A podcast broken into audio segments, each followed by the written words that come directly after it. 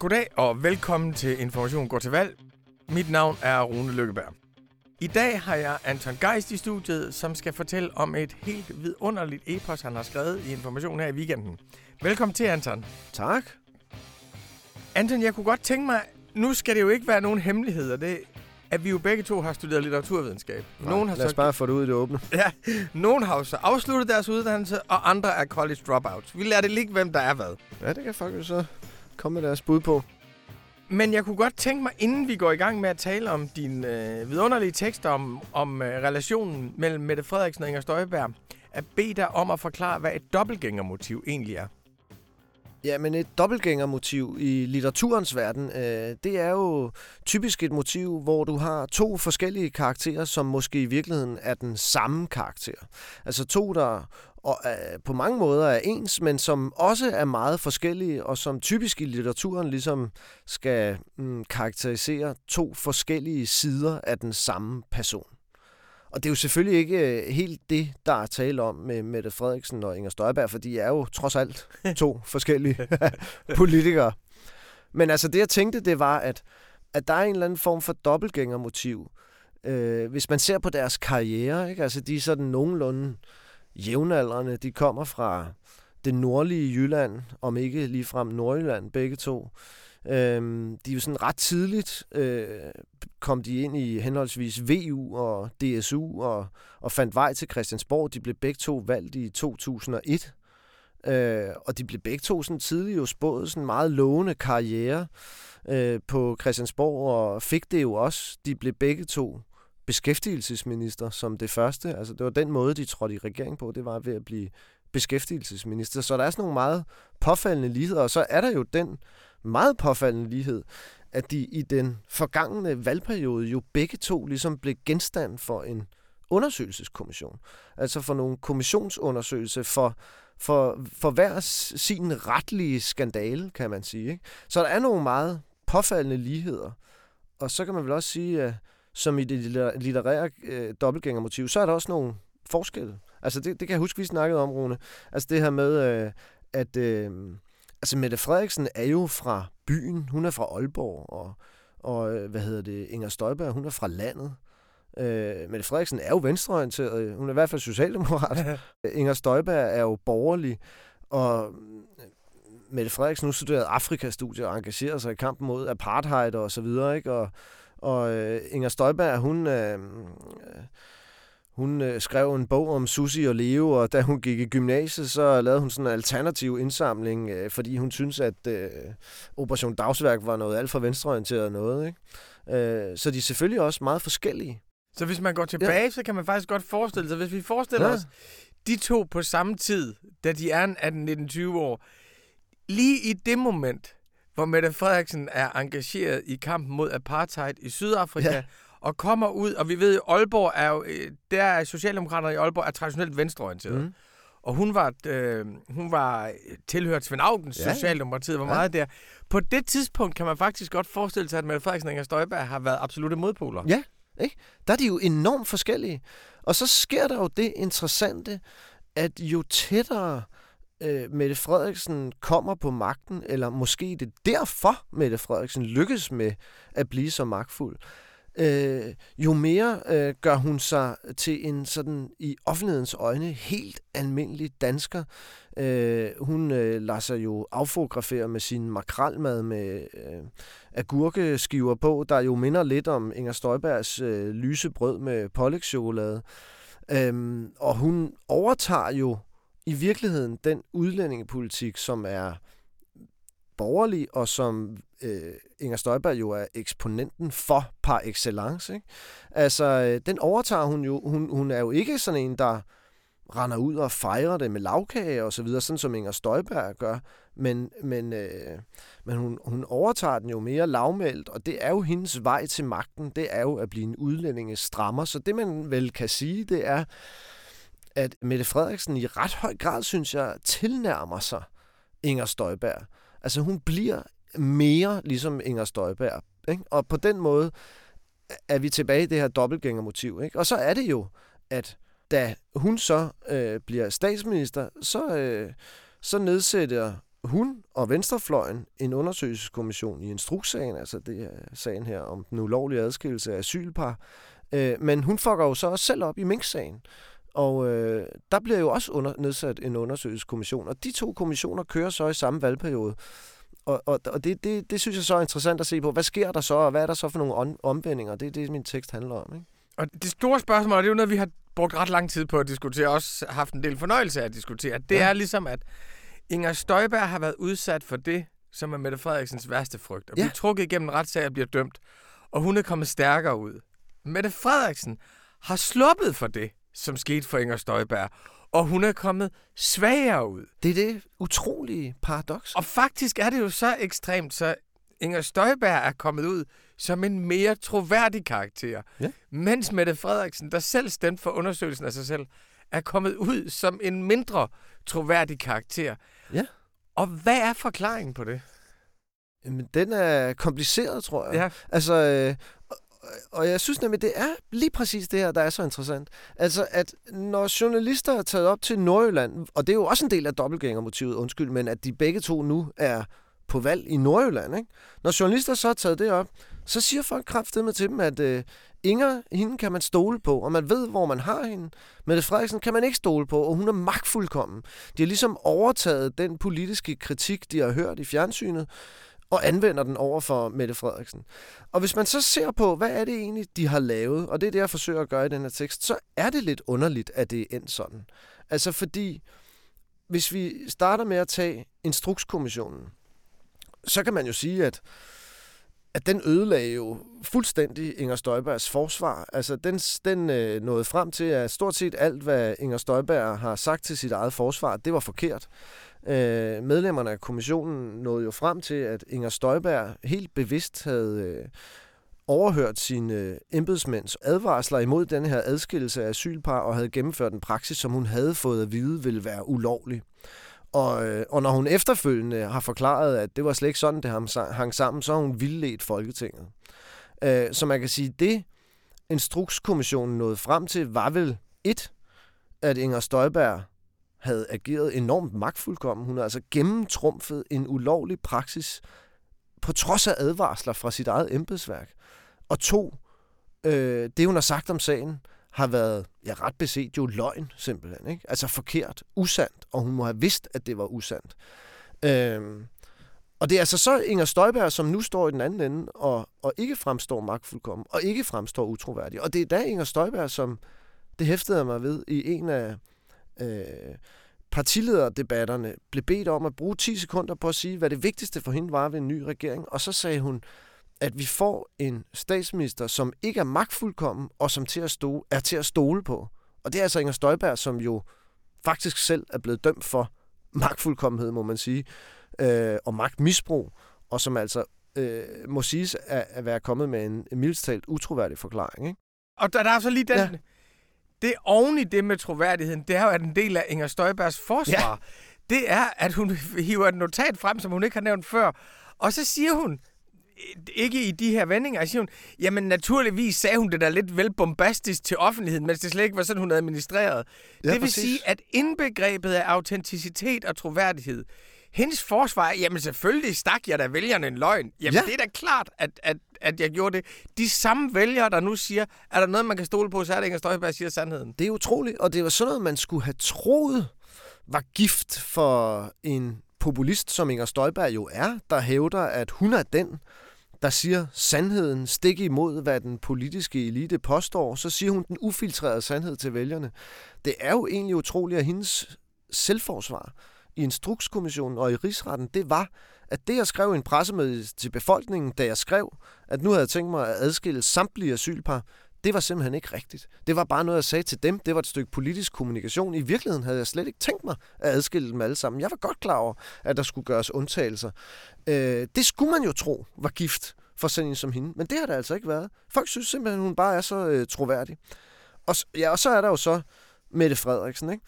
Og hun... Øh, der siger Mink-kommissionen, at hun har på den ene side jo groft vildledt befolkningen, da hun stillede sig op på det her berømte pressemøde, og sagde, at nu skulle myndighederne og minkavlerne i gang med at aflive samtlige mink i landet. Altså det var en øh, klart ulovlig instruks øh, og en øh, grov vildledning af myndigheder og befolkning, øh, konstaterede minkkommissionen.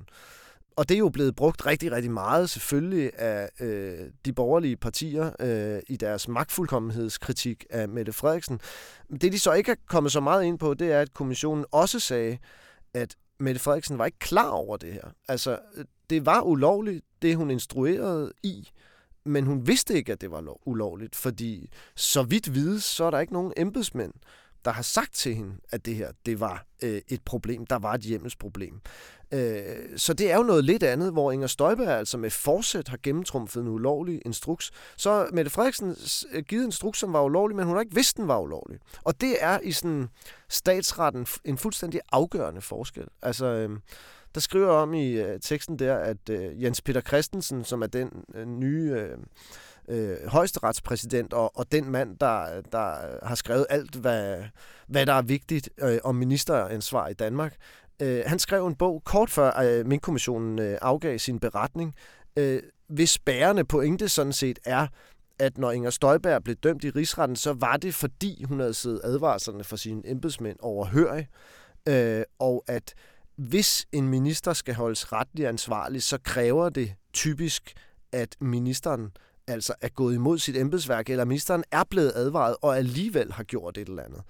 Og der kan man sige, der kom Mink-kommissionen jo altså frem til, at Mette Frederiksen øh, vidste til synlædende ikke bedre. Altså så kan man jo sige, var den så ikke kritisk over for en, øh, Mette Frederiksen? Jo, det var den jo virkelig. Altså det har vi også snakket meget om, Rune. Altså øh, at, at, at den jo politisk er ekstremt øh, kritisk øh, over for Mette Frederiksen, og man, det er jo vanskeligt ikke andet end at læse en kritik af hele hendes øh, syn på regering ind i øh, beretningen, fordi den siger jo, at hun havde centraliseret magten fuldstændig omkring sig, og Fødevareministeriet blev kørt ud på et sidespor, og møderne, hun har jo en forkærlighed for hastige beslutninger. Ikke? Møderne blev holdt i en frygtelig fart, og der var ikke tid til at læse bilagene, og, og alt sådan noget. Alt sådan noget, som er helt klart jo udgør et politisk problem for hende, men som ikke rigtig er det stof, som rigsretssager er gjort af. Vel?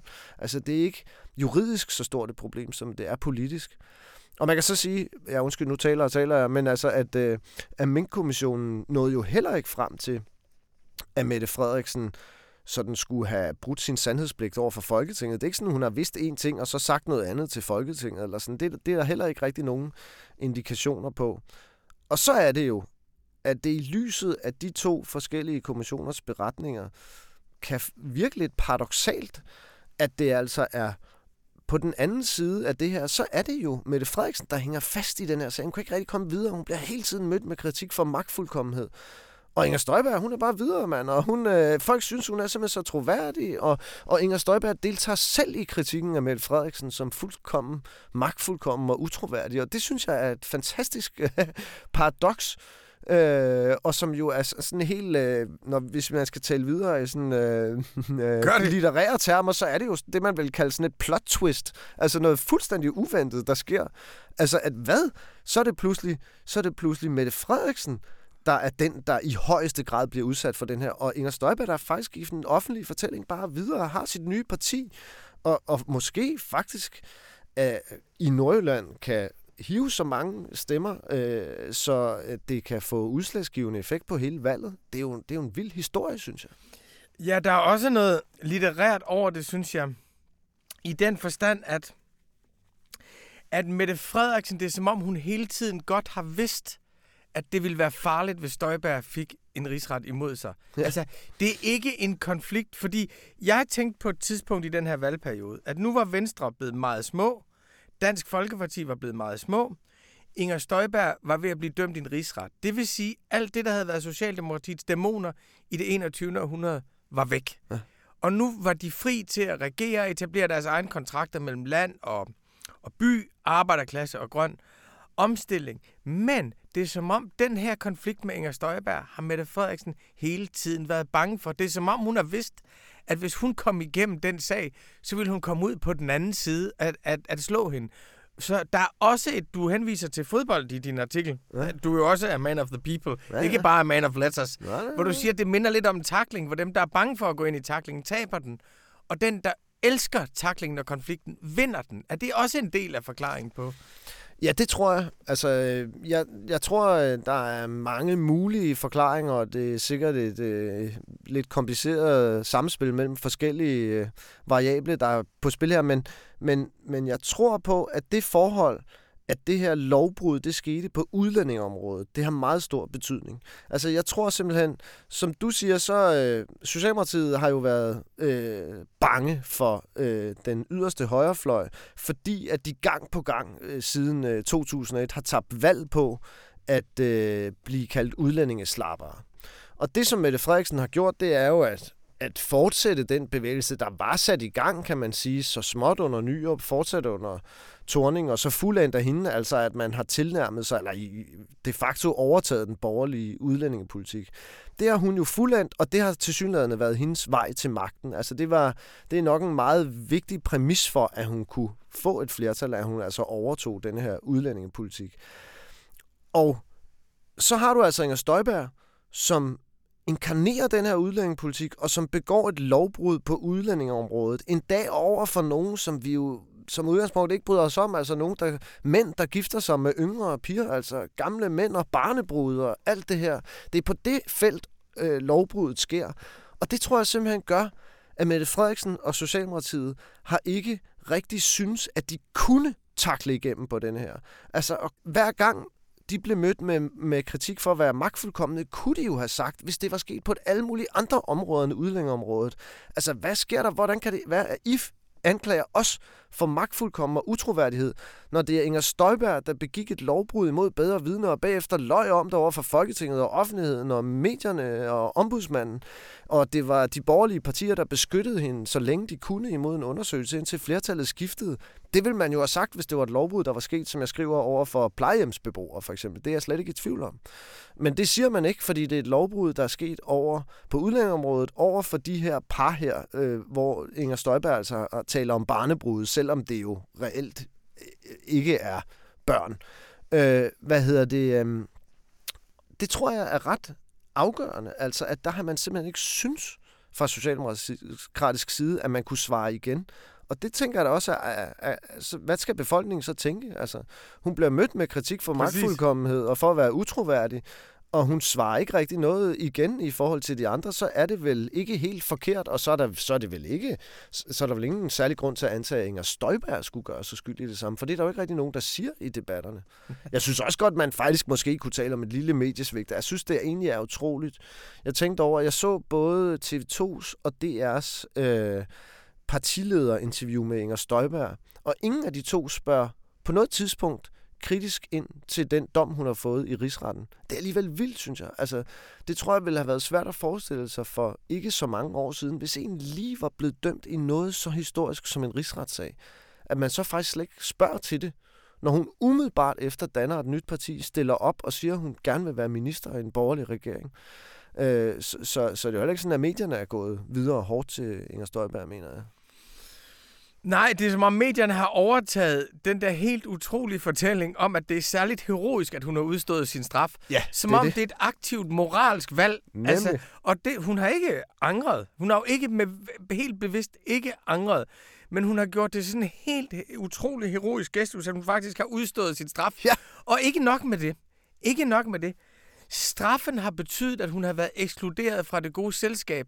Så straffen er blevet sådan et refugium, jeg havde yes. sund, hvorfra hun har kunne se samfundet udefra, og nu vender oplyst tilbage. Og det bringer mig til det næste spørgsmål, fordi... Præcis. Jamen, det er virkelig, altså, det går, undskyld, det går bare igen, igen og igen i de der reportager. Altså, at folk siger, hun har udstået sin straf, og hun har taget det med åben pande og krum hals og alt sådan nogle metaforer. Hvad hedder det? Og det er jo sådan lidt, man kan, til det vil man jo kunne sige, jo, men altså, hun kan jo ikke gøre andet. Altså, hvis du får en straf i en straffesag, ja, så skal du udstå straffen. Øh, men folk synes, altså, det i sig selv er er flot af hende, at hun har, at hun har udstået. Når de siger også, når så siger de noget andet, så siger de, og hun har ikke skyldt skylden på alle mulige andre til modsætning, i modsætning til Mette Frederiksen forstås. Ikke?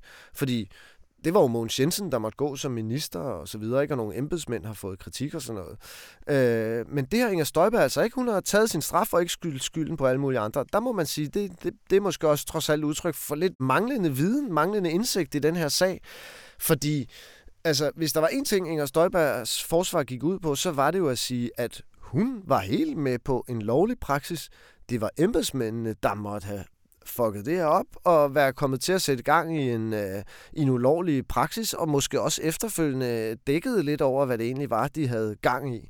Så Inger Støjberg forsøgte, det kan man, øh, det kan man med sikkerhed sige, at tørre ansvaret af over på nogle andre. Ikke? Øh, men, øh, men, men, men, men det er alligevel øh, Mette Frederiksen, der bliver mødt med den her kritik. Ikke? Men der er også en, der er jo her i de her forskellige positioner, den ene, den dømte i Hadsund, den eksilerede, ja. Øh, og den anden, Mette på bjerget, den der sidder på magten. Hvis man skal se på deres troværdighed, og vi er enige om, at Inger Støjbergs troværdighed er styrket, og Mette Frederiksen er, er svækket, så hænger det måske også sammen med, at Inger Støjberg har troværdighed som systemkritiker, som mm. en, der står udenfor, og det er nok for hende, at der er 20 procent af danskerne, der synes, hun er helt fantastisk.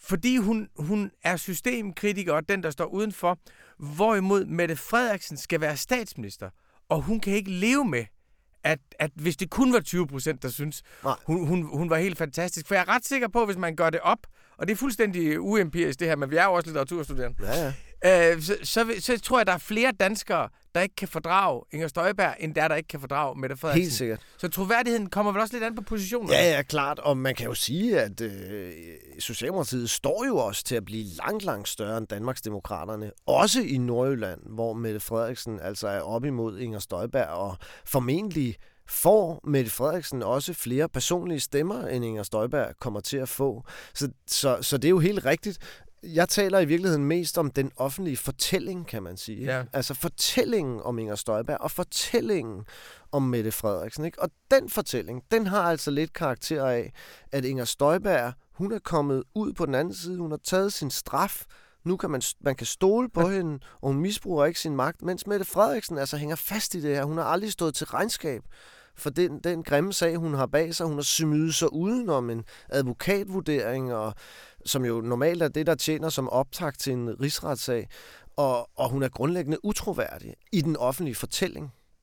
Der er en, en sidste ting, som jeg synes er interessant, det er, i går aftes, der havde vi jo det her demokratiets aften på DR, og der siger Inger Støjberg pludselig til Jakob Ellemann, den forhenværende næstformand, til, siger til sin forhenværende chef, da han nævner noget med CO2-afgiften, det var derfor, jeg ikke kunne være med i Venstre længere.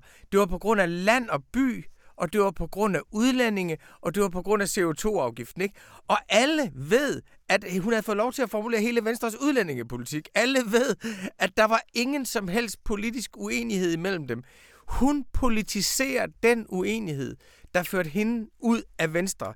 Og hvor han jo skulle have svaret, nej Inger, vi var enige om alt politisk men du havde begået noget, som du senere blev dømt for en rigsret. Vi er et lov- og ordenparti. Jeg vil ikke dække over forbryder. Men det var ikke sådan, han svarede. Nej, det er virkelig en god jagttagelse, Rune, for det er jo præcis rigtigt. Det er jo helt vildt, at hun står jo og taler om det, som om hun ikke er blevet dømt i rigsretten, og som om hun ikke forlod Venstre, fordi Venstre stemte for først en advokatvurdering, og så for en rigsret. Øh, det var jo præcis det, der skete, men, men Ellemann er jo, tror jeg, fanget af det samme som Mette Frederiksen i virkeligheden. Han kan heller ikke stille sig i opposition til det her. Han har heller ikke råd til at blive anklaget for at gå ind for barnebrud og være en udlændingeslapper og sådan noget. Ikke? Det er jo den gamle kritik af ham, at han skulle være det. Ikke? Og på den måde kan man faktisk stå og foregive, at hun faktisk nærmest ikke rigtig er blevet dømt i rigsretten. Der, altså, det er heller ikke sådan, at, øh, at journalisten griber den og siger, jamen stop lige, ho, øh, var det ikke mere på grund af rigsretssagen? Det, det slipper hun egentlig meget fint afsted med. Og det må man også sige, det er ekstremt jeg synes, det er imponerende af Inger Støjberg. Altså, det, det er dygtigt arbejde, det her. Ikke? Altså, det er, jo, det er jo godt lavet i scenesat, alt det her. ja, og til allersidst, så synes jeg, der er et eller andet, fordi øh, vi startede med lighederne mellem Inger Støjberg og Mette Frederiksen, og så også forskellene.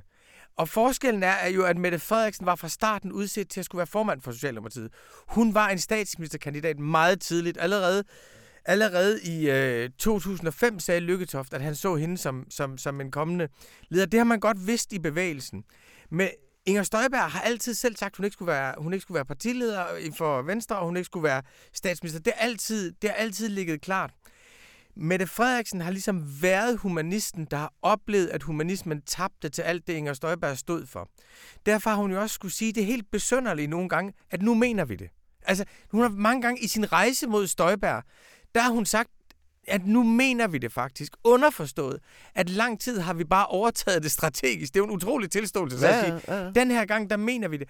Og jeg kan ikke lade være med at tænke på, når vi taler om troværdighed også, det er rigtigt. at ja. det så skyldes, at det for den ene så tydeligt ja. er et tilegnet synspunkt, hvorimod det for den anden er en karakter, hun altid har været lojal overfor. Det er en vild god pointe. Det tror jeg virkelig, du har ret i. Altså, at folk kan måske godt gennemskue, at Støjberg er den sande, og Mette Frederiksen er den, der har forsøgt at fremstå på samme måde, som Inger Støjberg i virkeligheden er. Og det er jo rigtigt. Det hænger jo også sammen med troværdighed. Så fremstår hun jo ikke troværdig, hvis hun i virkeligheden siger noget, som hun egentlig ikke selv mener. Og det er man nok ikke i tvivl om med Støjberg. Hun mener det. Hun er sådan. Hun elsker lysbrød med pålægtschokolade og Cola Zero og sådan noget. Det er ikke bare noget, hun lægger op på Instagram, fordi at sådan vil hun gerne profilere sig. Hun er faktisk sådan. Det synes jeg er en god pointe. Jamen, jeg synes også, den der, øh, som vi også har talt om, da Inger Støjberg sagde på P4, som jeg må erkende er det sjoveste, jeg har hørt under hele den her valgkamp, det var, da hun, da hun blev bedt om at fortælle om, hvad hun spiste til morgenmad, hvor hun så sagde, at hun spiste fire stykker hvidt franskbrød med pålægtschokolade tre stykker med lyst pålægtschokolade og et stykke med mørk pålægtschokolade, fordi hun ville også spise varieret. Nej, det er kraftigt pragtfuldt. Altså, det synes jeg på en eller anden måde, for mig er det nærmest hele valgkampens sprogblomst, fordi det ja. beviser, at hun behersker den. Det er jo en sprogblomst. Jamen, det er en, det er en. Skal vi ikke give... Øh, jo. Skal vi ikke give Inger Støjberg dagens sprogblomst? Jo. Jamen, Anton, og så skal vi jo ses lige om lidt til det helt store showdown øh, ja. efter valget. Ja. Ej, det bliver spændende, hva'? Ja. Og du slipper for at skulle lave nogen som helst øh, forudsigelser på, øh, hvem der vinder. Tak. Vi siger tusind tak til vores veninde, kammerat og utrættelige hjælper, Anne Pilegaard Petersen, som har produceret og sat vores stumper og stykker sammen til endnu en meningsfuld samtale. Tusind tak til jer for at lytte med, og husk så, I ved godt selv, hvad I skal stemme i morgen.